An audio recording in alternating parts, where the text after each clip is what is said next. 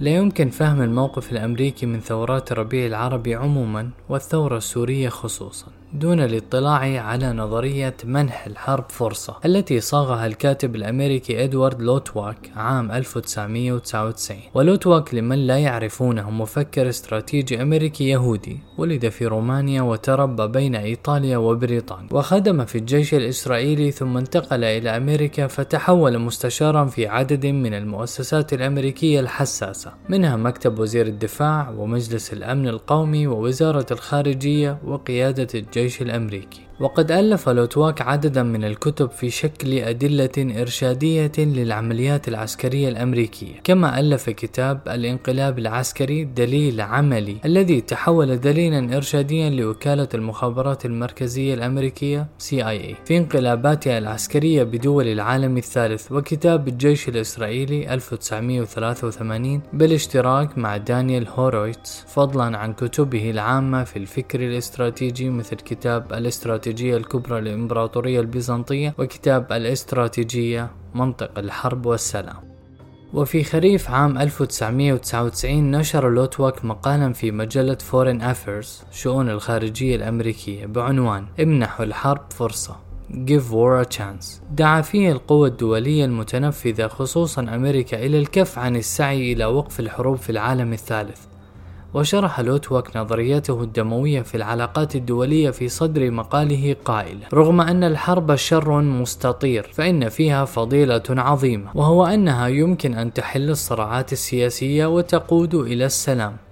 ويمكن أن يحدث هذا حين يصبح المتحاربون منهكين أو حين ينتصر أحدهم نصرا ساحقا وفي الحالتين. يجب أن يستمر القتال حتى التوصل إلى حل. فالحرب تجلب السلام فقط حين يتجاوز العنف المتراكم ذروته. وعاتب لوتواك منظمة الأمم المتحدة لأنها بزعمه لا تسمح للحروب بين الأمم الصغيرة باستكمال مسارها الطبيعي. وربما يظن البعض أن نظرية لوتواك نظرية متماسكة مضطردة تندرج ضمن ما يسمى النظريات الواقعية في العلاقات الدولية، لكن المتأمل في الأمثلة التي يوردها لوتواك لتزكية نظريته يجدها مقصورة على الحروب بين الأمم الصغيرة، كما أنها نظرية انتقائية غايتها استنزاف بعض الأمم دون البعض، فتحيزات لوتواك الدينية والثقافية والسياسية خصوصا خلفيته الصهيونية هي الفيصل بين الحروب التي يجب تركها على أعنتها ذاتها والحروب التي يجب وقفها فورا. ولذلك فإن من الأمثلة التي ذكر لوتواك أن القوى الدولية كان يجب أن لا توقفها الحرب بين الدول العربية وإسرائيل عام 48 التي كانت ستنتهي بانتصار حاسم لإسرائيل حسب تقديره ثم حرب الإبادة ضد المسلمين في البوسنة في التسعينات التي عاتب الحكومة الأمريكية على التدخل لإيقافها. على أن ما يهمنا اليوم هو تطبيق لوتواك نظريته الدموية على الثورات العربية خصوصا الثورة السورية. ففي بداية تحول الثورة السورية إلى الخيار العسكري ردا على همجية الأسد كتب لوتوك مقالا في صحيفة نيويورك تايمز يوم 24 أغسطس 2013 دعا فيه إلى تطبيق نظرية منح الحرب فرصة على الثورة السورية. لكنه لم يكتفي هذه المرة بالدعوة إلى إبقاء الحرب مستعرة بل دعا دعوة صريحة إلى زيادة تسعيرها وتحويلها مصهرة دموية عدمية وكأن ضحاياها ليسوا بشر.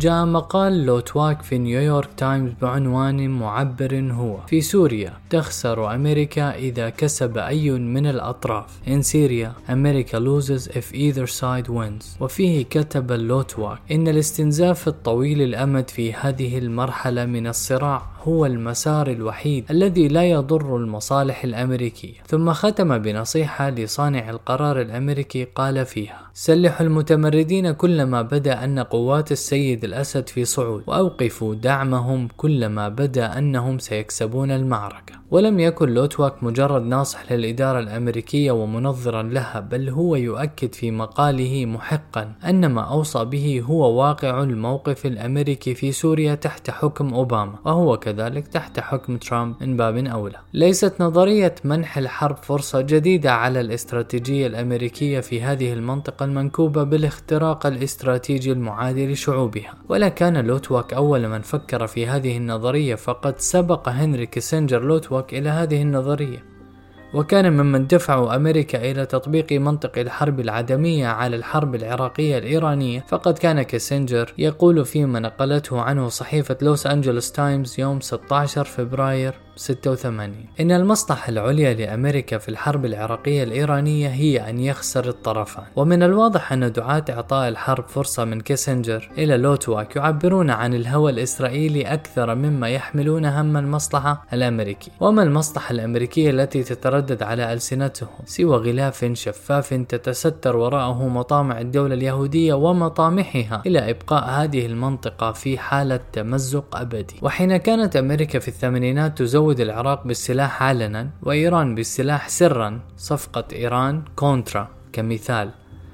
لم تكن تفعل سوى تطبيق هذه النظرية الدموية بتعاون مع إسرائيل ومع السائرين في الهوى الأمريكي من حكام العرب. الذين دفعوا ثمن تلك الأسلحة فقد دفعت القيادة السعودية ثمن الأسلحة التي كانت تصل إلى متمردي نيكاراغوا وإلى الجيش الإيراني الذي كان يقاتل العراق كما كشفته نيويورك تايمز عام 86 رغم أن السعودية كانت داعما علنيا للعراق وقد انتهت الحرب بين العراق وإيران بخسارة الطرفين بالفعل كما أراد كيسنجر. رغم كل الدعاوي الجوفاء بالانتصار التي أطلقها النظامان الغبيان في ختام الحرب وكان بحر الدماء الذي سال من زهرة شباب البلدين والأحقاد العميقة التي ترسخت بين العرب والفرس وبين السنة والشيعة هي الثمرة المريرة لتلك الحرب العدمية المديدة. وحين دعا لوتواك إلى تطبيق نظرية منح الحرب فرصة على الثورة السورية عام 2013 كان متبعا أمينا لسلفه كيسنجر وإن كان لوتواك أكثر فجاجة في التصريح بما يريد من الثعلب الدبلوماسي كيسنجر.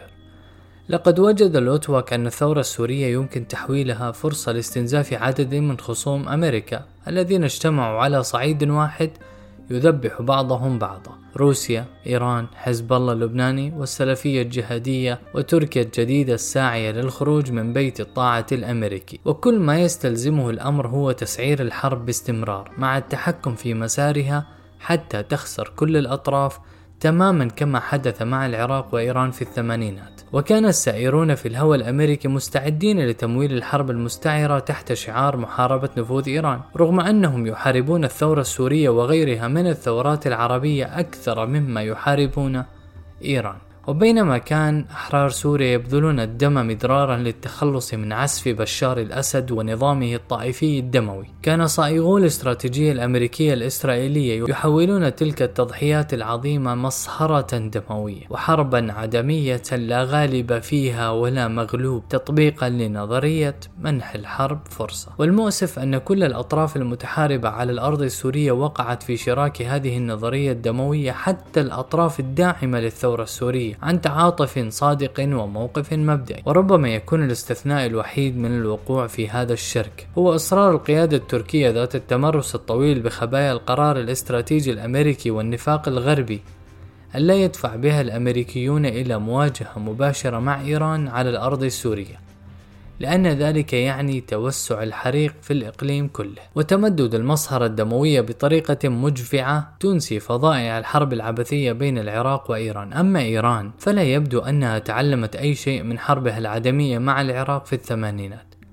فيما يتعلق بفهم الاستراتيجية الأمريكية في المنطقة فظلت غارقة في أوهام السيطرة الاستراتيجية والمذهبية في الوقت الذي يستنزفها الأمريكيون كما يستنزفون جيرانها العرب. منذ أكثر من مئة عام كتب المفكر السياسي السوري عبد الرحمن الكواكبي عن الفرق بين الثورة المحكومة بقوانينها الذاتية والثورة التي يستغلها طامع أجنبي. لتحقيق مآرب على حساب الأمة الثائرة فقال إما أن تغتنم الفرصة دولة أخرى فت تستولي على البلاد وتجدد الأسر على العباد بقليل من التعب فتدخل الأمة في دور آخر من الرق المنحوس. وهذا نصيب أكثر الأمم الشرقية في القرون الأخيرة. وإما أن يساعد الحظ على عدم وجود طامع أجنبي. وتكون الأمة قد تأهلت للقيام بأن تحكم نفسها بنفسها. يمكن لعقلاء الأمة أن يكلفوا المستبد ذاته بترك أصول الاستبداد واتباع القانون الأساسي الذي تطلبه الأمة. والمستبد الخائر القوى لا يسعه عند ذلك إلا الإجابة طوعا.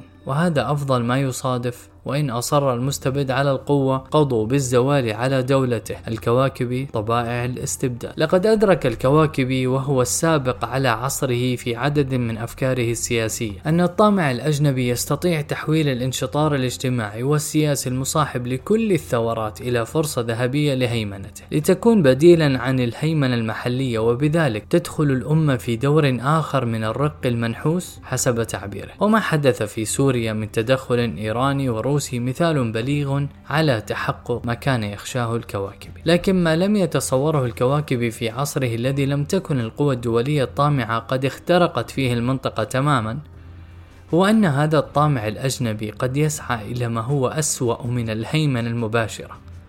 وهو هدم مقومات الأمة تدميرا ذاتيا وتدمير عناصر قوتها ومنعتها بأيديها. من خلال الحرب العدمية الدائمة فالطامع الأجنبي لا ينحصر في العدو الخارجي الداعم للمستبد المجاهر بعداوته للثورة كما هو شأن إيران وروسيا في سوريا اليوم. بل يمكن أن يكون عدوا في ثياب صديق. يتظاهر بدعم الثورة لكنه يسعى إلى تحويلها حربا أهلية دائمة.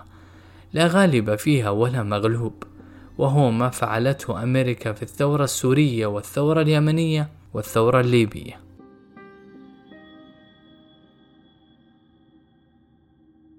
منذ أن دعم ملك فرنسا لويس السادس عشر الثورة الأمريكية نكاية في إنجلترا منذ أكثر من قرنين لم توجد في التاريخ ثورة إلا والدعم الخارجي ضروري لها.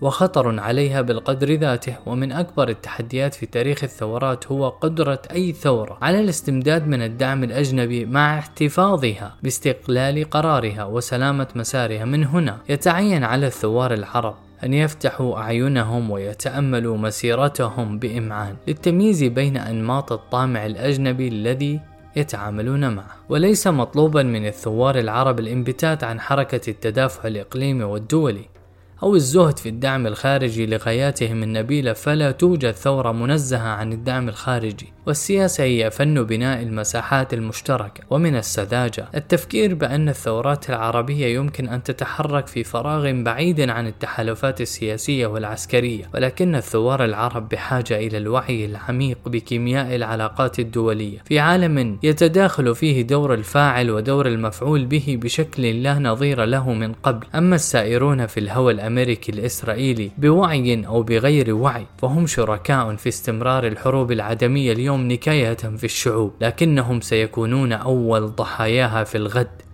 حين ينتهي دورهم الوظيفي المقيت.